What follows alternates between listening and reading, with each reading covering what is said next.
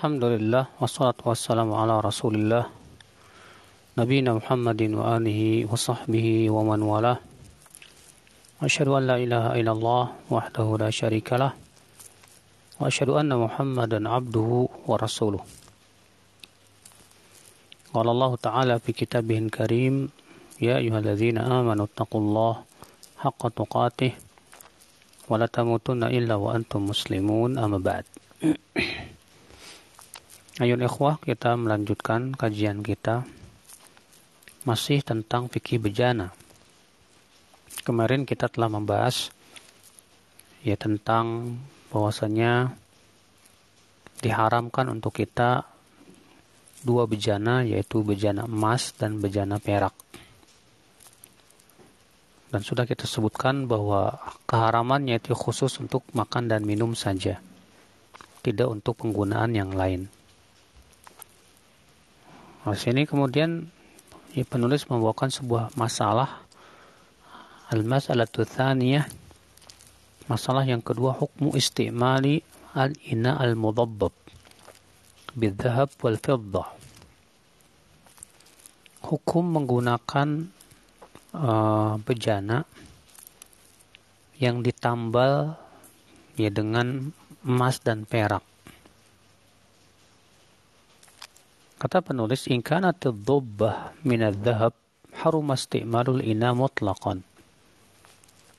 Jika uh, bejana itu ditambalnya oleh emas, maka tidak boleh digunakan secara mutlak, sama sekali nggak boleh. Lidukhulihi tahta umumin nas. Karena masuk ke dalam dalil yang umum itu larangan ya makan dan minum di bejana emas dan perak. Amma in kanat ad-dhubbah min al-fiddah wa hiya yasirah fa innahu yajuzu isti'malul ina. Adapun kalau ternyata ya, tambalannya itu terbuat dari perak dan itu pun juga sedikit ya tidak banyak maka pada waktu itu boleh menggunakan bejana tersebut. Kenapa demikian? Di hadis Anas, berdasarkan hadis Anas radhiyallahu an, qal in kasara qadahu Rasulullah sallallahu alaihi wasallam fattakhadha makana sya'bi silsilatan ya min fiddah. Bahwa uh, gelasnya Rasulullah Shallallahu Alaihi Wasallam itu uh, apa namanya uh, pecah ya bukan pecah ya kayak ada yang mau patah gitu. Maka kemudian Nabi SAW menambah bagian yang apa namanya pecah itu ya dengan perak dikeluarkan oleh Bukhari. Ya di dalam sahihnya.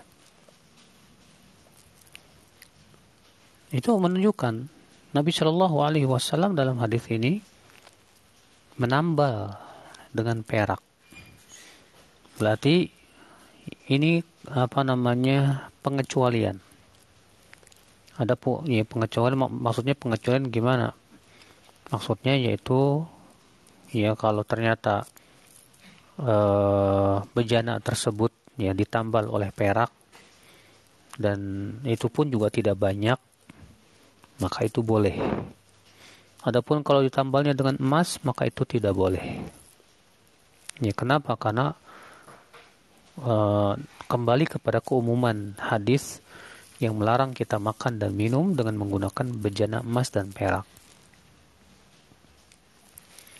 Kemudian al-mas'alatu tsalitsah, masalah yang ketiga, niatul kufar.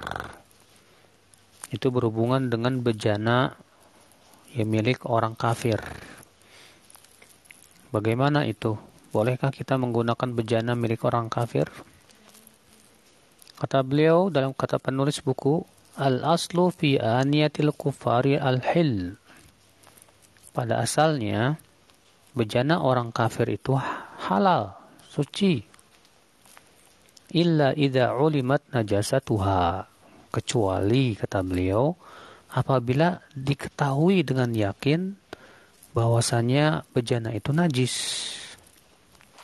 fa innahu la yajuzu isti'maluha illa ba'da ghusliha maka saat itu tidak boleh menggunakannya kecuali setelah dicuci terlebih dahulu.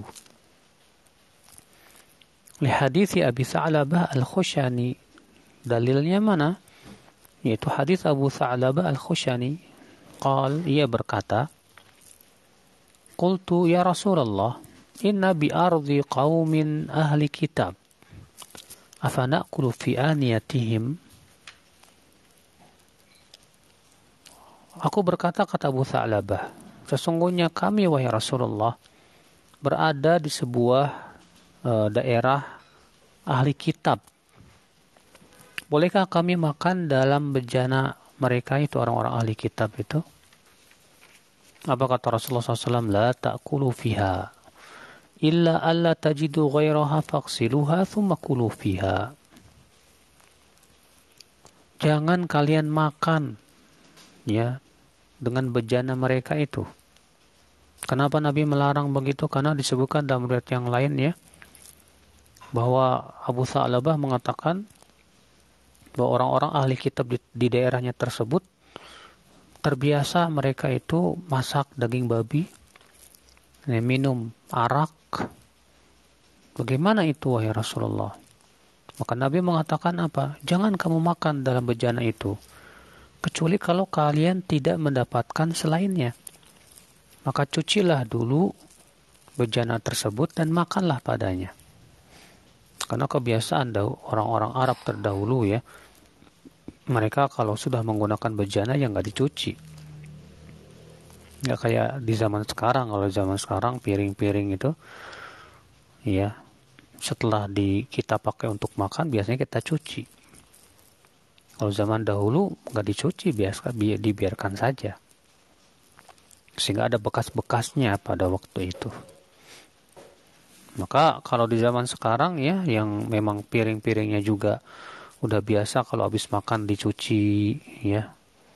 Maka yang seperti ini nggak masalah. Kita menggunakan bejana milik mereka itu. Kata penulis buku, wa amma idza lam tu'lam najasatuha bi an yakuna ahluha ghairu ma'rufina bi mubasharatin najasah. Fa innahu yajuzu isti'maluha. Adapun apabila tidak diketahui kenajisannya.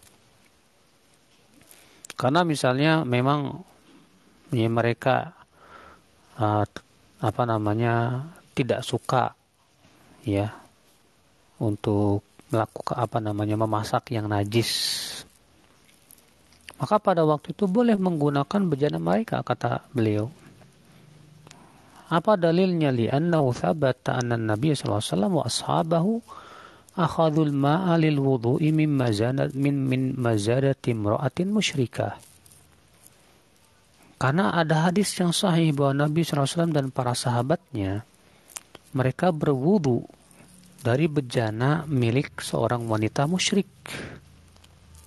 Ya. Berarti itu menunjukkan bahwa bejana orang musyrik pada asalnya suci sampai betul-betul diketahui adanya najis di situ. Kata beliau wali anna Allah subhanahu qad abaha lana ta'ama ahli kitab. Juga dikarenakan Allah subhanahu wa ta'ala telah membolehkan ya untuk kita makanan ahli kitab. Waqad yuqaddimunahu ilaina fi awanihim dan mereka terkadang membawakan makanan mereka itu pada bejana-bejana mereka. Kama da'a gulamun yahudiyun an-nabiy sallallahu ala khubzin sya ya, ala khubzin ala khubz sya'ir wa ilaha wa, wa ihalah sanikhah fa akala minha. ya. Sebagaimana ya Nabi Wasallam pernah diundang oleh seorang pemuda Yahudi untuk makan apa namanya roti gandum. Ya. Dan apa namanya ihalah ihalah itu minyak samin ya Sanikhah, sanikhah itu yang sudah berubah baunya. Dan Nabi SAW makan. Ya, dengan menggunakan bejana dia. Cuma menunjukkan ya bahwa bejana orang-orang kafir pada asalnya apa? Suci. Kecuali kalau kita ketahui bahwa mereka suka makan yang najis. Ya. Ini saudaraku sekalian azan ya Allah wa yakum. Kemudian kata beliau al-mas'alatu rabi'ah masalah yang keempat. At-taharatu fil aniyatil muttakhadah min juludil maitah. Hukum bersuci di bejana yang terbuat dari kulit bangkai. Bagaimana ini? Bolehkah? Ya. Kata penulis buku, jildul maitati idza dubigha jaza isti'maluhu. kulit bangkai apabila telah disamak boleh digunakan. Liqauli SAW dalilnya apa? Yaitu sabda Nabi Shallallahu Alaihi Wasallam, Ayyuma iha bin dubigha faqat tahur. Kulit mana saja apabila disamak maka sungguh ia telah suci. Jadi dikeluarkan oleh Tirmidzi, demikian pula Imam Muslim dalam sahihnya. Lihat Nabi mengatakan bahwa setiap kulit kalau di di apa di disamak itu jadi suci. Wali annahu sallallahu maro ala syatin syatin maitah. Demikian pula Nabi SAW pernah melewati kambing yang sudah menjadi bangkai. Faqala maka Rasulullah SAW bersabda, Halla akh, ya akhadu ihabaha fadabaguhu fantafa'u bih Kenapa mereka tidak mengambil kulitnya untuk disamak dan di, diambil manfaatnya?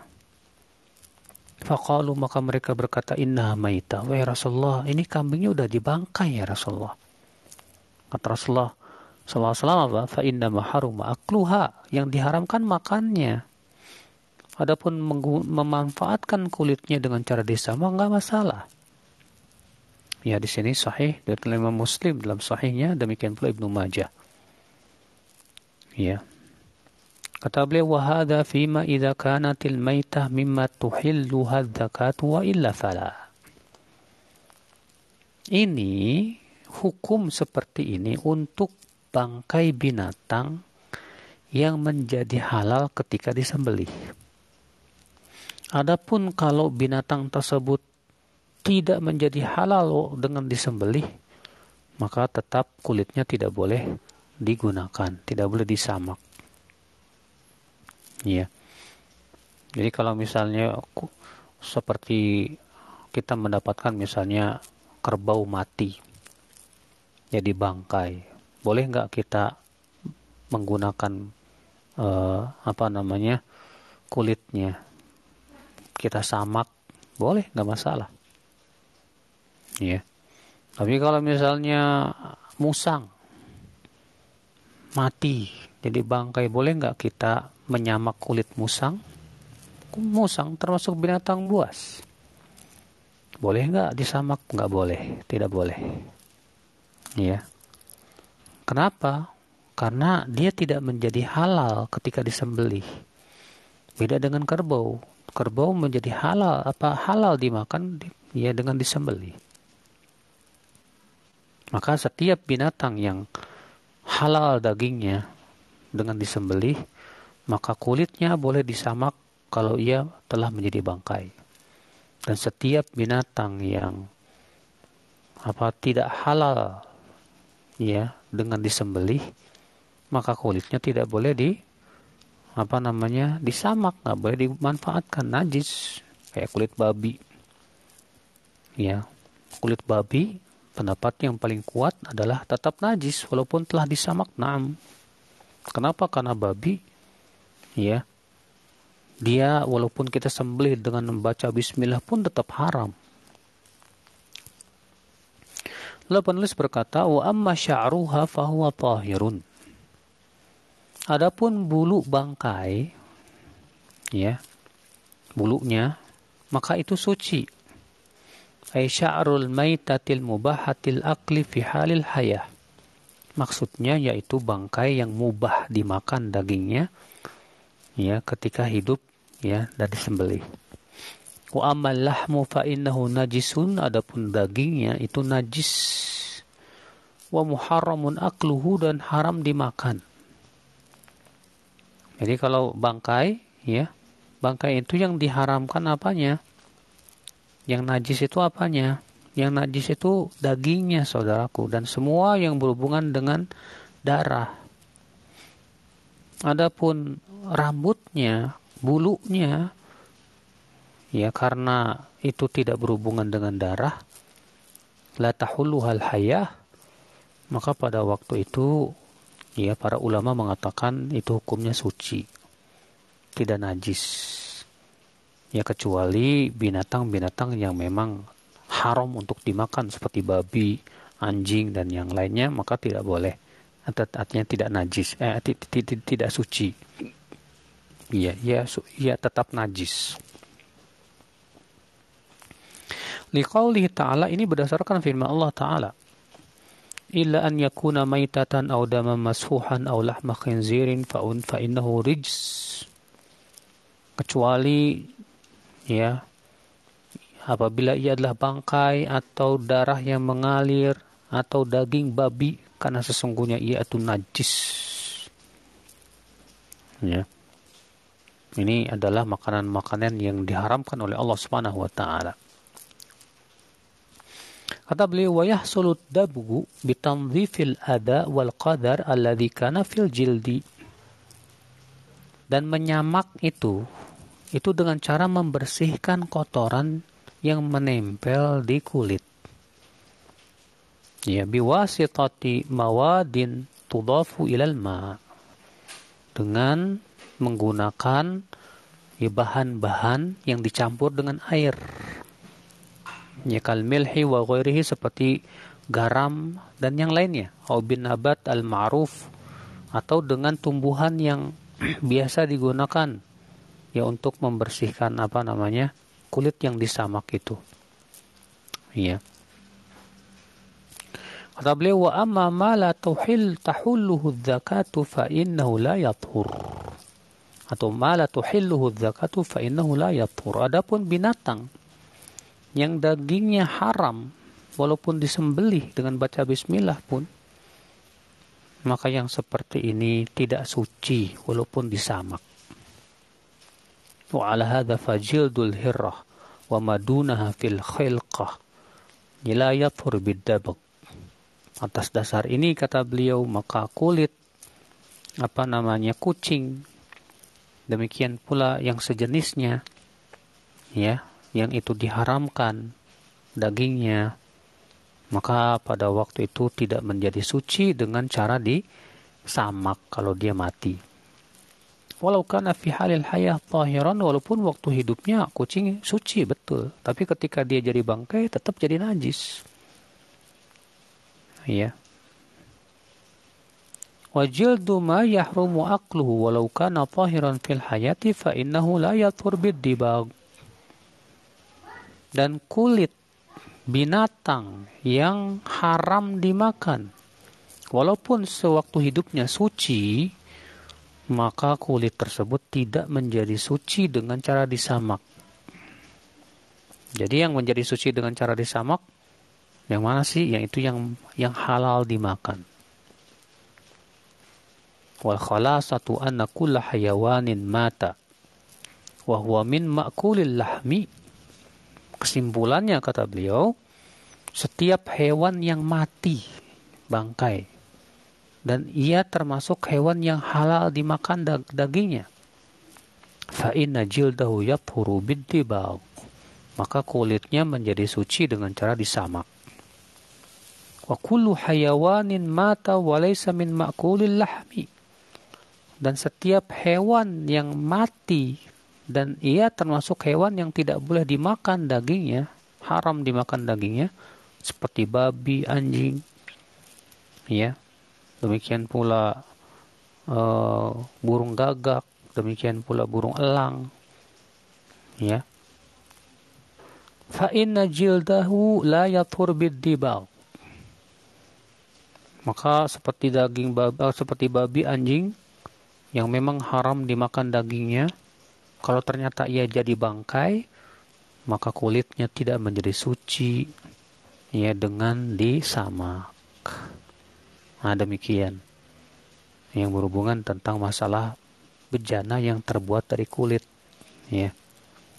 Ustadz saya punya apa barang terbuat dari kulit buaya Ustadz. Kulit buaya itu najis apa enggak ya? Nah ini ikhtilaf para ulama apakah buaya ini ya binatang halal atau binatang haram dimakan Imam Syafi'i Imam Ahmad Imam Abu Hanifah berpendapat haram kenapa karena itu binatang buas ya Sementara Imam Malik mengatakan halal. Kenapa? Karena itu binatang air. Sedangkan binatang air ya pada asalnya hukumnya halal. Nah, untuk buaya ini ikhtilaf memang para ulama. Ada yang menghalalkan, ada yang mengharamkan. Namun yang lebih hati-hati lebih baik kita tidak gunakan saudaraku masih banyak kok daging-daging yang lain yang lebih enak. Kenapa harus cari-cari daging buaya? Kalau biawak haram. Karena ia termasuk binatang buas, saudaraku. Ya, biawak tidak diperbolehkan dan tidak boleh dimakan. Nah, demikian saudaraku sekalian segera cukup wabillahi taufik. Naam. Ustaz, jazakumullah khairan Ustaz atas ilmu yang telah antum sampaikan. Dan teman-teman sekalian kita uh, masuk ke sesi yang selanjutnya, sesi tanya jawab. Bagi teman-teman yang ingin bertanya, silakan menekan tombol raise hand-nya dan atau menuliskan pertanyaannya di kolom back channel. Dan sepertinya sudah ada beberapa yang masuk. Kita range dulu satu-satu. Ya. Kita mulai dari Pak Saleh. Tafadol Pak Saleh bertanya kepada Ustadz dengan satu pertanyaan singkat dan padat Pak Saleh. Tafadol. Syukron, akhi. Assalamualaikum warahmatullahi wabarakatuh, Ustaz. Assalamualaikum warahmatullahi wabarakatuh. Ustaz, penyelenggara, kita semua dan kaum muslimin selalu dalam keadaan sehat, mendapat rahmat dan berkah dari Allah Subhanahu wa taala.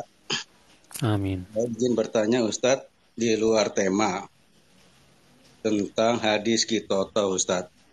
Jadi seorang hamba memiliki uh, kesalahan dosa 99 uh, seluas mata memandang, namun dia mempunyai satu kartu, di mana satu kartu itu lebih berat dari kesalahan eh, dan dosa-dosanya yang 99 itu.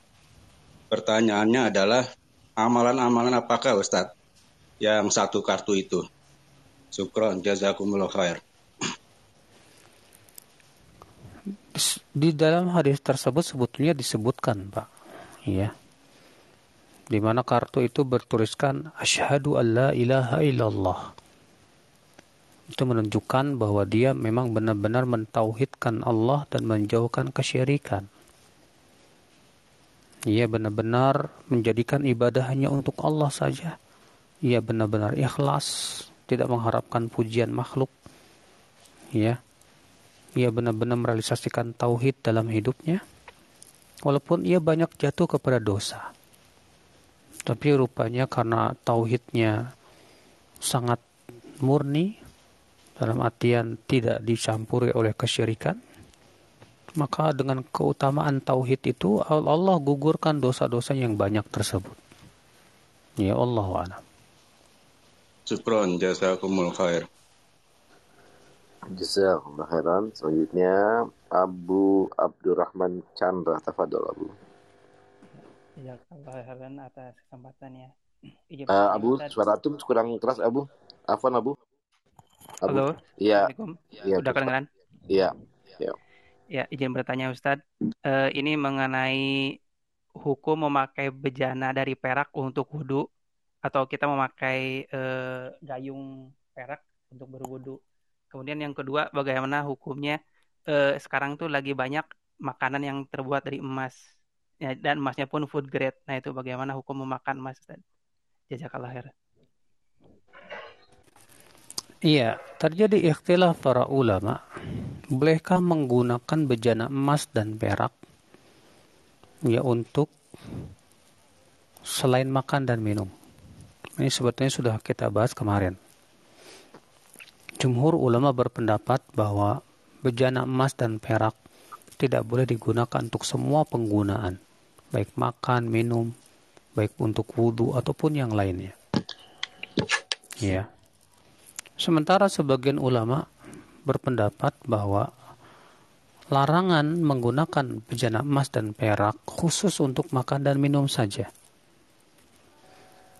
Ini pendapat yang dirojikan oleh Syekh Saleh Utsaimin rahimahullah. Alasannya apa? Alasannya yang pertama Nabi hanya menyebutkan penggunaan untuk makan dan minum saja.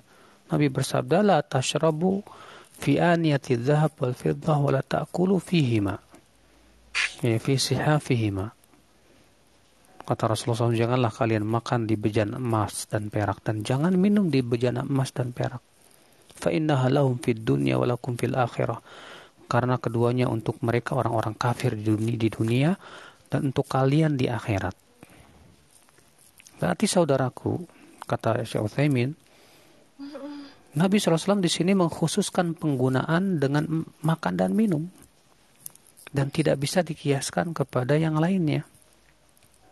Oleh atas dasar itu, ya kata Syekh Utsaimin rahimahullah, yang diharamkan hanya makan dan minum saja. Adapun untuk berwudu boleh, nggak apa-apa. Dan pendapat ini yang paling kuat insya Allah. Kenapa?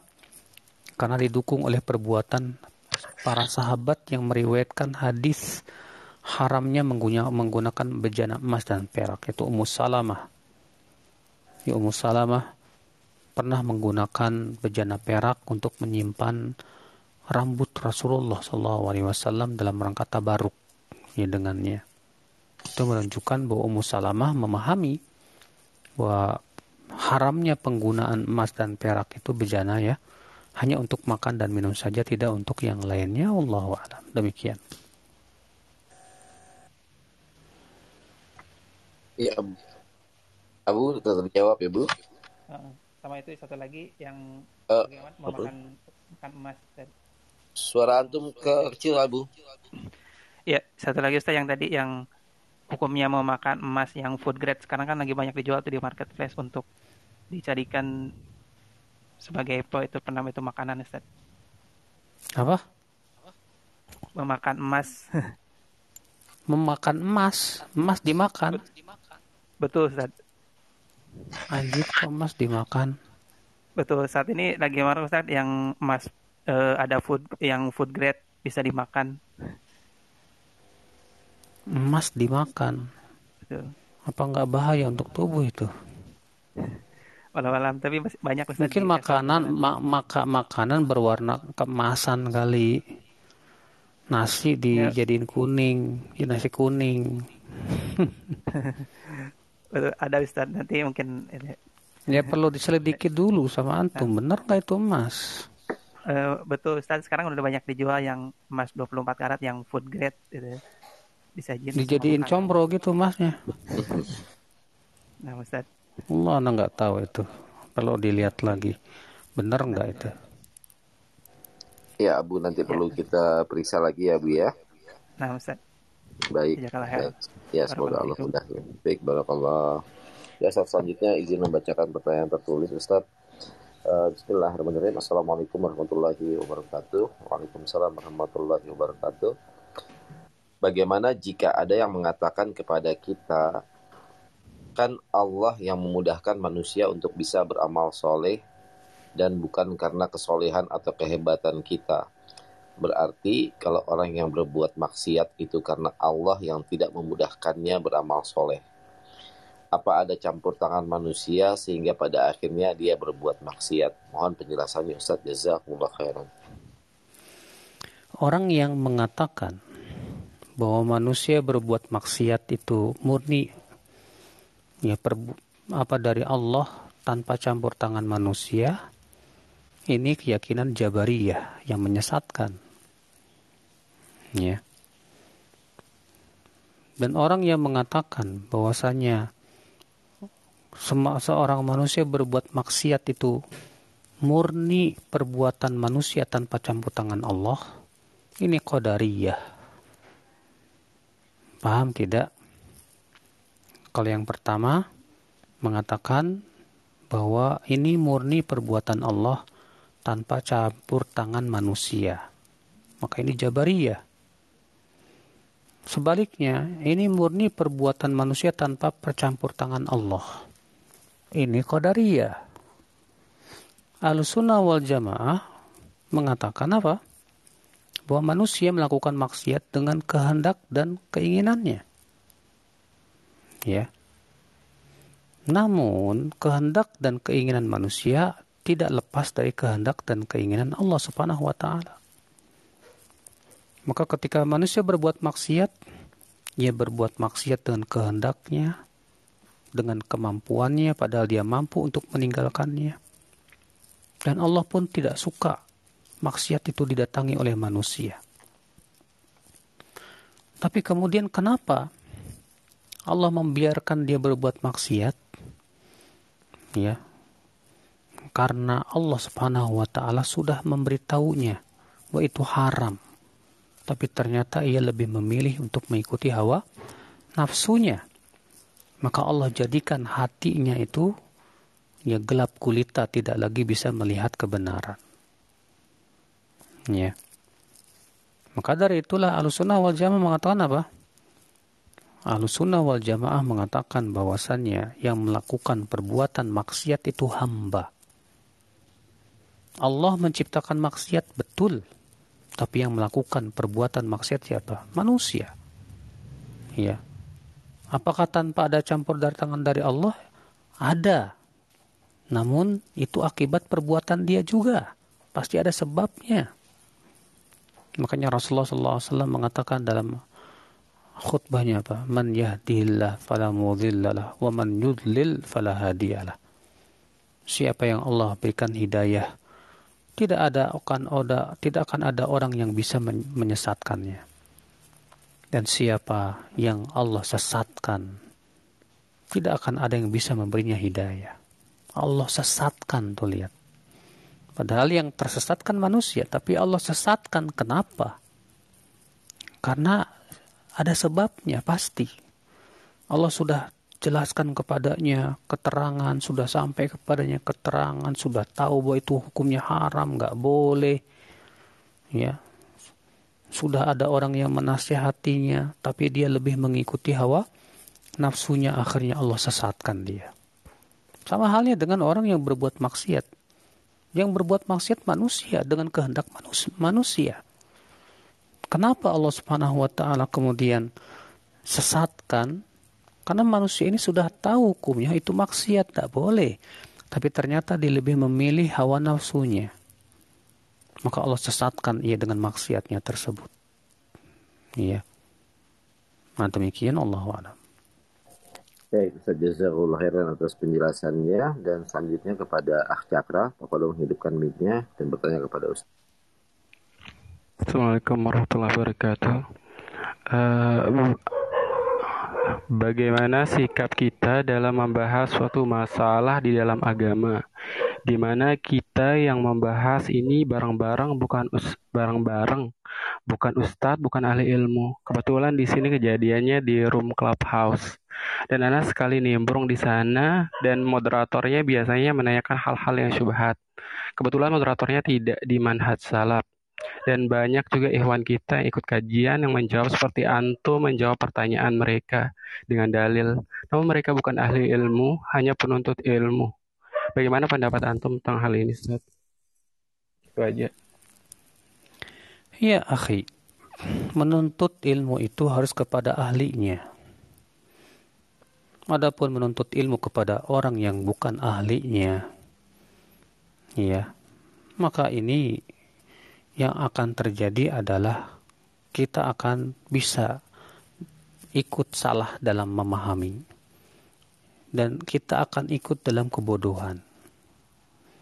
Ya. Maka kalau di situ yang nimbrung semuanya penuntut ilmu semua, bukan orang bukan orang-orang yang alim, ya Maka atau misalnya di situ yang nimbrung bukan penuntut ilmu, orang-orang yang mau bicarakan tentang masalah agama. Kemudian mereka sering berdiskusi ya sesama mereka padahal mereka bukan ahlinya. Maka yang seperti ini tidak perlu kita masuk ke, ke grup seperti itu hanya akan menimbulkan syubhat saja.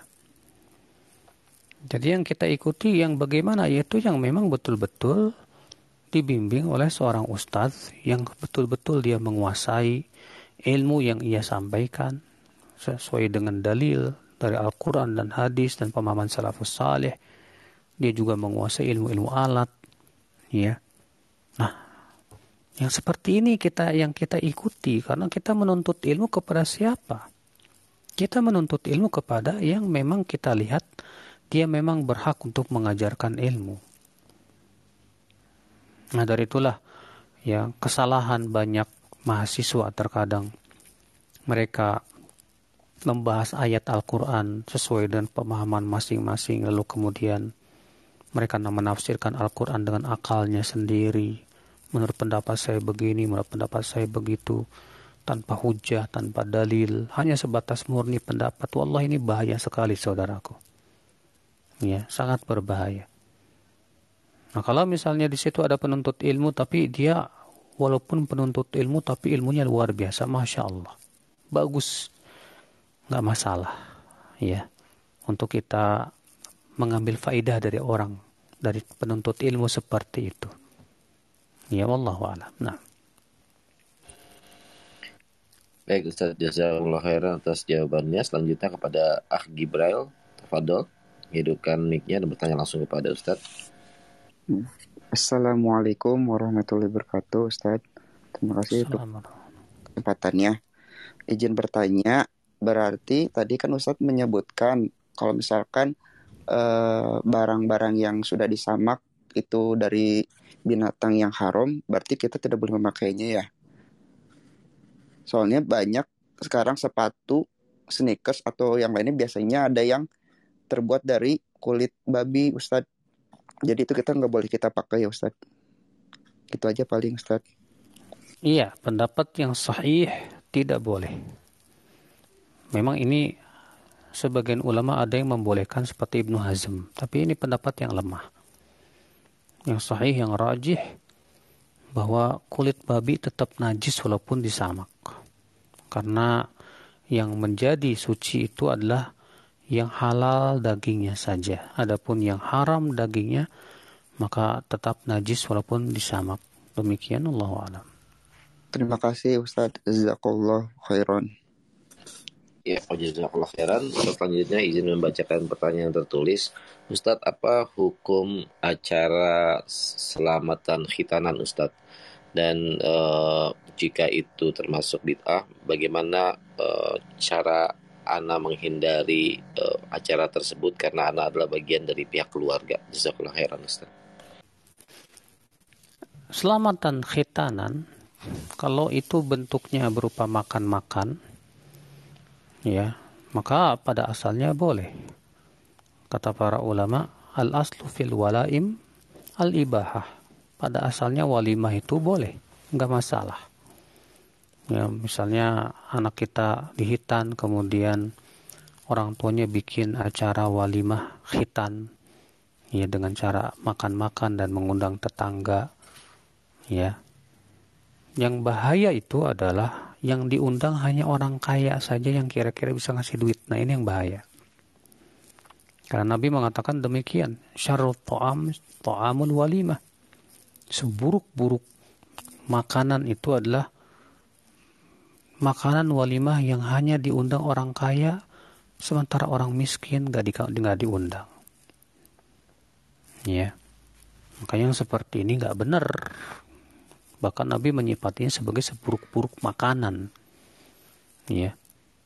Tapi kalau memang dia mengundang semua orang, tetangga sebagai rasa syukur kepada Allah, anaknya sudah dikhitan misalnya, kemudian bikin walimah, boleh, gak apa-apa, gak masalah, datang aja. Baik, Ustaz Jazakumullah khairan atas jawabannya. Selanjutnya kepada Ukti Indah, Tafadol. Hidupkan mic bertanya kepada Ustaz. Satu pertanyaan singkat dan padat. Bismillah, Assalamualaikum Ustaz. Assalamualaikum Ustaz. Waalaikumsalam Saya mau bertanya, uh, gini Ustaz, kan kemarin saya, eh tapi ini maaf ya di luar tema. Uh, jadi gini kemarin Ana dapat pesanan kue untuk acara ulang tahun, tapi tidak khusus untuk bertuliskan ulang tahun selamat gitu tapi dia cuma pesan untuk kue ulang tahun dibagiin ke setiap ruangan. Ana akadnya pun jelas untuk ulang tahun.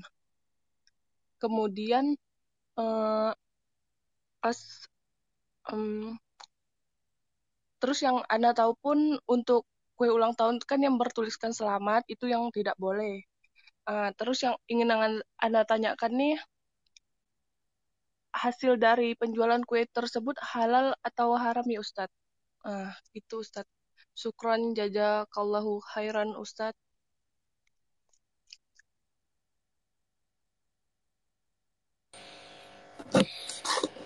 Halo. Ya, kita tunggu ya Ustadz ya sebentar ya. Ya. Iya, jawabnya saya tidak tahu. Coba tanya ke Ustadz yang lain. Baik, nanti Indah. Ya. Ustaz. Ya. Ya, ya. Mudah-mudahan nanti. Jazakallahu khairan. Wa jazakallahu khairan. Semoga Allah memberikan taufik kepada kita semua. Ya, selanjutnya Anza pada Anzani, tafadhol hidupkan mic tanya kepada Ustaz. Assalamualaikum warahmatullahi wabarakatuh, Pak Ustaz. Uh, jadi saya mau bertanya nih, mungkin memang di luar tema. Uh, kan jodoh maut itu sudah diatur dalam love mahfud gitu ya bahwa jodoh seseorang atau kematian seseorang itu memang sudah diatur. Nah, saya di sini cuma ingin menanyakan Pak Ustadz. Jadi di beberapa kayak hmm, acara-acara yang memang orang diberikan kayak kemampuan untuk bisa berinteraksi dengan uh, makhluk yang makhluk gaib gitu ya. Nah kemarin tuh saya sempat dengar bahwa dia tuh bertemu sama uh, seseorang yang mungkin uh, di kehidupannya tuh dia melakukan uh, bunuh diri gitu sehingga arwahnya itu tidak diterima di bumi maupun di langit. Nah pertanyaannya nih Pak Ustadz, kalaupun misalnya memang kehidupan manusia itu sudah diatur baik dia berjodoh ataupun dia hidup dan matinya, apakah berarti memang dia sudah digariskan bahwa dia itu meninggalnya harus dengan apa meninggalnya tuh dengan bunuh diri gitu? Tapi yang saya ingin tanyakan juga kalaupun misalnya gitu hmm, terus bagaimana? Sedangkan arwahnya dia tuh nggak bisa diterima baik di bumi maupun di langit terima kasih Pak Ustaz uh, pertama ya segala sesuatu yang berhubungan dengan syariat maka sesungguhnya kewajiban manusia adalah menjalankan sesuai dengan syariat. Allah memerintahkan sholat, wajib sholat. Allah melarang bunuh diri, haram bunuh diri. Maka kalau ada orang yang meninggal karena bunuh diri, ya, padahal Allah telah mengharamkan bunuh diri maka orang seperti ini berhak mendapat azab dari Allah Subhanahu wa taala. Ya. Karena dia sudah melanggar larangan. Bukankah sudah kematian sudah ditakdirkan betul? Ya, akan tetapi karena ini perkara yang sudah Allah larang dan seseorang manusia mampu untuk meninggalkannya, tapi dia nekat dan mengikuti hawa nafsunya kemudian dia bunuh diri, maka ia sudah menzolimi dirinya sendiri. Maka dia berhak untuk mendapatkan apa? Adab dari Allah Subhanahu wa taala. Ya. Tidak boleh kemudian kita katakan apa Allah tidak zolim. Maksudnya bagaimana? Kan ini sudah takdir Allah, kematian sudah betul. Segala sesuatu memang takdir Allah, tapi masalahnya sudah kita sebutkan ya bahwa masalahnya ini masalah maksiat, masalah taat dan maksiat. Dan manusia punya kemampuan untuk meninggalkan yang haram. dan manusia punya kemampuan untuk melaksanakan perintah. Kenapa dia tidak menggunakan kemampuan itu? Padahal dia mampu. Dia bunuh diri dengan kehendak dia sendiri. Ya. Dan dia lebih memilih untuk bunuh diri padahal dia tahu bunuh diri haram nggak boleh.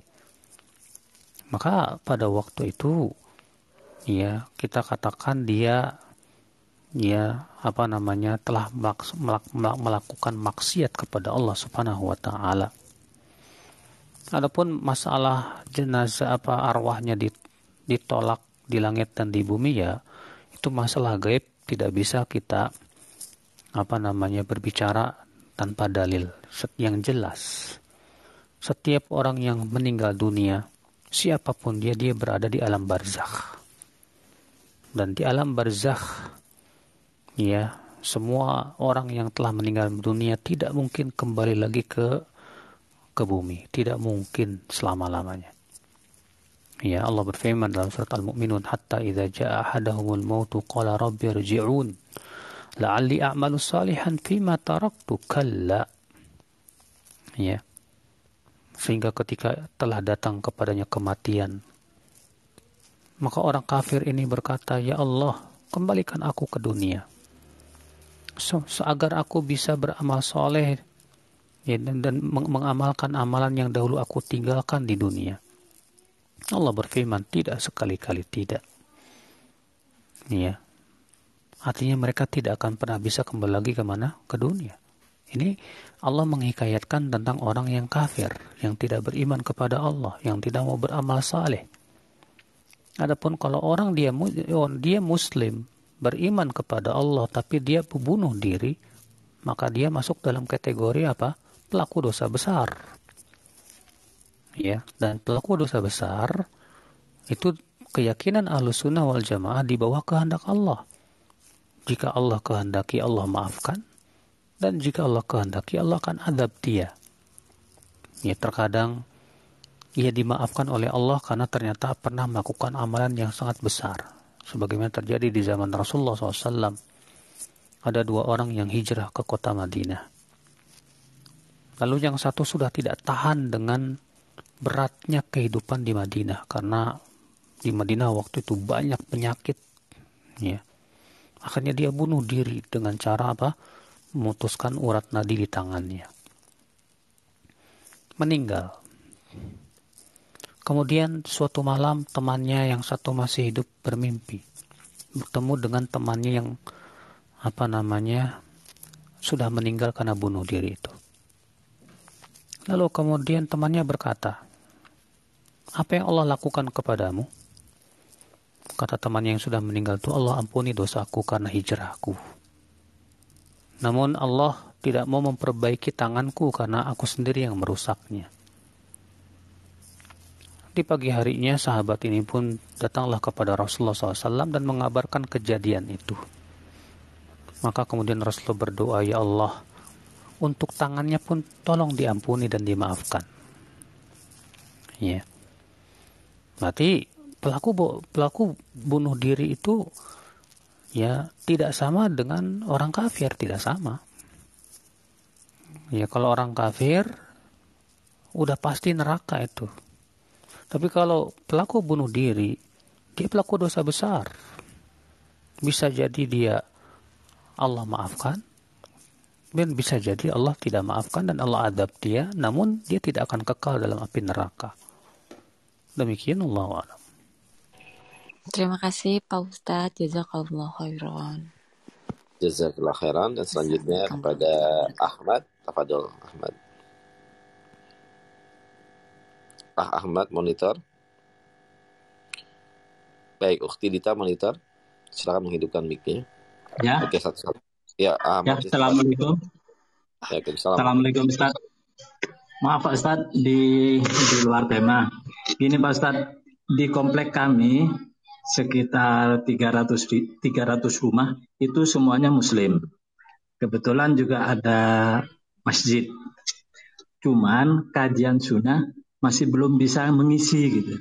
Sedang di komplek itu kira-kira sekitar 40-an rumah lah Ustaz yang sudah mengenal sunnah. Terus gimana kira-kira? Ada saran untuk Ustaz atau apakah kalau ada kajian di masjid itu kita tetap boleh datang atau gimana Ustaz? Mohon sarannya Ustaz.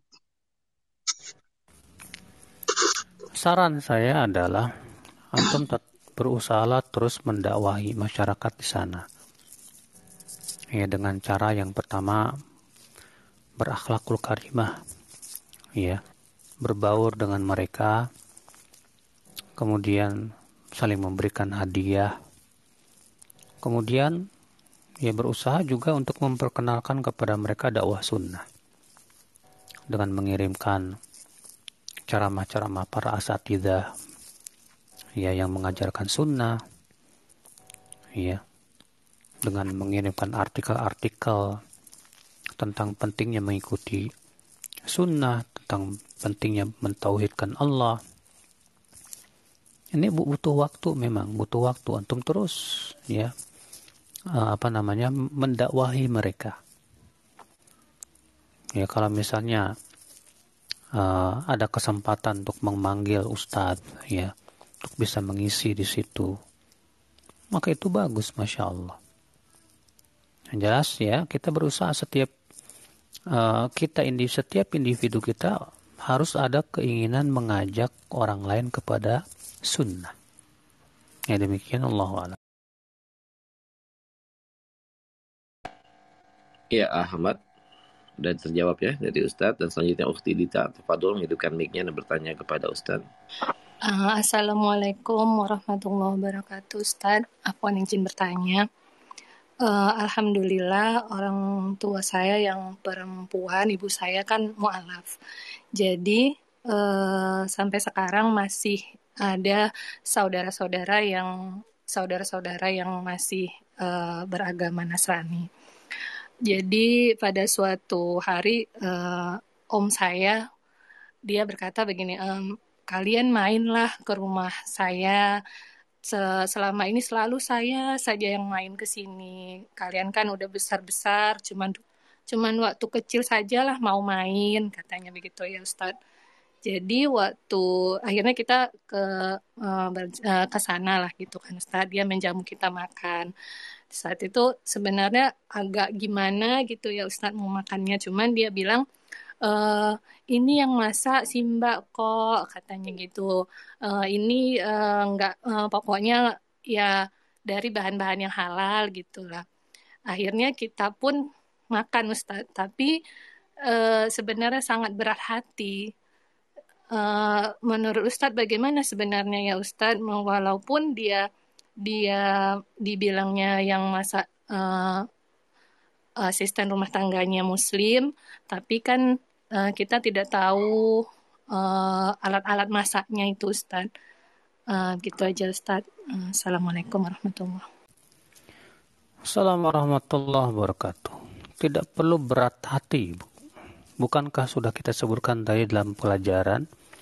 Rasulullah SAW diundang oleh seorang pemuda Yahudi ya untuk makan di rumahnya. Maka Rasulullah pun mendatanginya ya dan makan di rumahnya padahal dia Yahudi.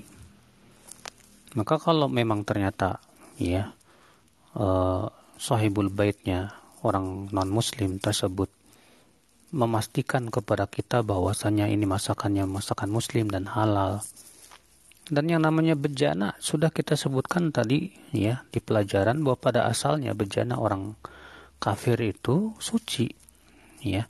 Apalagi kalau memang ternyata kebiasaan mereka mencucinya ya kalau mereka sudah menggunakannya maka pakai aja. Nggak perlu ada rasa berat hati saat itu. Itu termasuk was-was saja. Maka kita boleh kita kalau Rasulullah SAW saja mendatangi undangan makan dari pemuda Yahudi. Apalagi ini saudara walaupun dia non muslim Nasrani misalnya dia mengundang kita makan dan dipastikan juga makanannya halal datanglah. Ya tunjukkan sebagai akhlakul karimah kita. Ya mudah-mudahan kita bisa mendakwahi dia kepada Islam. Nah. Uh, sedikit lagi Ustadz. Apakah saya boleh bersalaman dengan om saya tersebut Ustadz kalau memang mahram nggak masalah ya bersalaman dengan mahram walaupun non muslim itu nggak masalah Oh iya. adik kandung ibu saya berarti mahram ya Ustaz ya. Iya, jazakillah khairan. Dan selanjutnya kepada Idrus, Tafadol, menghidupkan mic bertanya kepada Ustaz.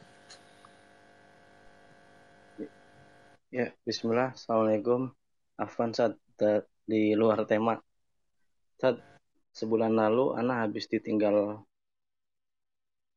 wafat sama anak usia 2 tahun. Minta nasihatnya saat terkadang hati ini masih sedih terbayang-bayang itu saat Ada sebuah hadis yang mudah-mudahan menghibur antum. Nabi Shallallahu Alaihi Wasallam bersabda, "Idza qabada Allahu walada abdi, qala Allahu li malaikatih." Ya, apabila Allah mewafatkan anak seorang hamba, Allah akan berfirman kepada malaikat-malaikat pencabut nyawa. Apa kata Allah? Qabattum walada abdi. Kalian telah mencabut nyawa anak hambaku. Kata para malaikat itu ya. Qabattum samarata fuadi. Kalian telah mengambil buah hatinya. Kata para malaikat, iya ya Allah. Lalu Allah berfirman, "Famadza qala 'abdi?" apa yang diucapkan hambaku saat anaknya meninggal itu. Kata Rasulullah SAW, eh, kata malaikat itu, Hamidaka wastarja. Dia memujimu ya Allah dan mengucapkan inna lillah wa inna ilahi raji'un. Maka kemudian Allah berfirman kepada malaikatnya itu, Ibnu lahu baitan fil jannah, ya wasamuhu baital hamdi. Bangunkan untuk orang ini sebuah rumah di surga dan namai ia sebagai rumah pujian. Subhanallah. Bayangkan kalau antum sabar ketika anak antum meninggal, antum puji Allah. Dia Allah janji untuk membangunkan untuk antum sebuah rumah di surga luar biasa. Rumah di surga tidak bisa dibandingkan dengan rumah di dunia. Ya.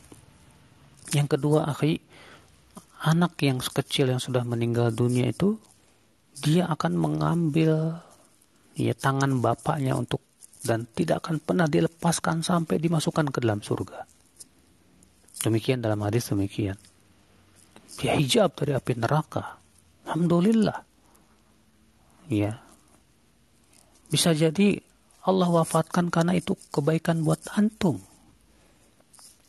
nggak tahu kalau dia hidup setelah besar bisa jadi dia durhaka sama antum tapi kemudian Allah wafatkan dia ya si anak itu juga pasti masuk surga sudah gitu anaknya pun akan menyeret kedua orang tuanya ke dalam surga apa antum tidak tidak merasa senang ya mendengarkan berita seperti itu maka kalau antum sedih ingatlah bahwa sebetulnya itu bukan musibah yang menimpa antum. Hakikatnya itu adalah karunia yang Allah inginkan kebaikan buat antum. Ya, masya Allah, antum sudah punya celengan masuk surga. Ya, sementara banyak yang lain nggak punya kesempatan apa nggak nggak nggak nggak nggak diberikan hal seperti itu. Bersyukurlah kepada Allah, mintalah kesabaran, pujilah Allah Subhanahu wa taala atas karunia dan nikmatnya. Ya dan yakinlah bahwa anak antum sekarang ya sudah di dalam surga dan diasuh oleh Nabi Ibrahim alaihissalatu wassalam. Kan anak-anak kaum muslimin itu kata Rasulullah diasuh oleh Nabi Ibrahim di dalam surga. Masya Allah. Nah, iya jadi subhanallah ya agama kita ini membahas masalah-masalah yang sangat detail segini sampai-sampai masalah bejana yang ya masalah kulit ya kapan menjadi suci dan boleh disamak dan yang lainnya itu menunjukkan betapa agama kita ini adalah agama yang sempurna maka kita bersyukurlah kepada Allah Subhanahu wa taala ya dengan cara terus mengkajinya, membahasnya dan kita semangat dalam menuntut ilmu Allah Subhanahu wa taala dan mengaplikasikan dalam kehidupan kita sehari-hari. Demikian wabillahi taufik. Assalamualaikum warahmatullahi wabarakatuh.